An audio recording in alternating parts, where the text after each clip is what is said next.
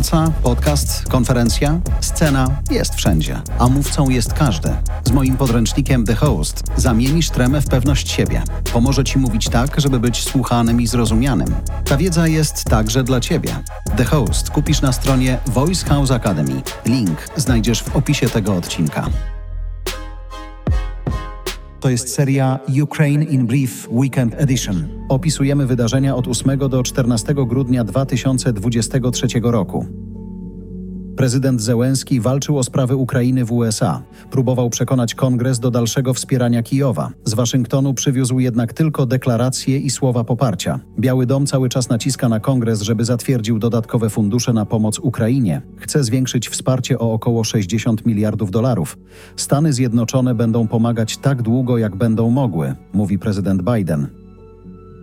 Nowy polski rząd zapowiada poprawę relacji z Kijowem. Będziemy głośno i zdecydowanie domagali się pełnej mobilizacji wolnego świata do pomocy Ukrainie, zapowiedział nowy premier w swoim expose. Prezydent Zełenski liczy, że zmiana rządu w Polsce przyspieszy rozwiązanie spornych kwestii, między innymi protestu przewoźników na polsko-ukraińskiej granicy. Przywódca Ukrainy zaprosił też nowego szefa polskiego rządu do Kijowa. Tymczasem ponad 2,5 tysiąca ciężarówek czeka na wjazd na Ukrainę na zablokowanych przejściach granicznych. Wjazd blokują protestujący polscy przewoźnicy. Do protestów w ostatnim czasie dołączyli też Słowacy i Węgrzy. Chcą odebrania Ukraińcom możliwości bezwizowego transportu na terenie Unii. 53 osoby zostały ranne w czasie ataku rakietowego na Kijów. W ostatnich dniach Rosjanie dwa razy atakowali ukraińską stolicę.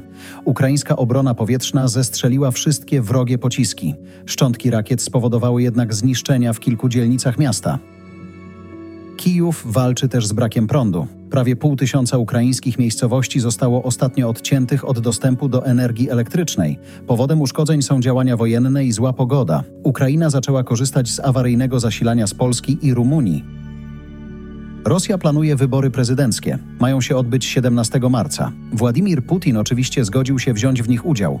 Będzie ubiegał się o piątą kadencję na stanowisku prezydenta. Kontrowersje wzbudziły plany organizacji wyborów także na okupowanych terenach Ukrainy. Chodzi o obwody Doniecki, Ługański, Zaporowski i Hersoński. Kijów podkreśla, że wybory organizowane na Ukrainie będą nieważne. Rosjanie pojadą na igrzyska. Zdaniem Międzynarodowego Komitetu Olimpijskiego nie powinno się karać sportowców za postępowanie władzy. Rosjanie i Białorusini wystąpią na igrzyskach w Paryżu jako sportowcy neutralni. Nie będą formalnie reprezentować swoich krajów, nie wykorzystają państwowych barw i nie usłyszą swoich hymnów narodowych. Sportowcy mają być też dokładnie sprawdzani pod kątem aktywnego wspierania wojny. To była seria Ukraine in Brief Weekend Edition.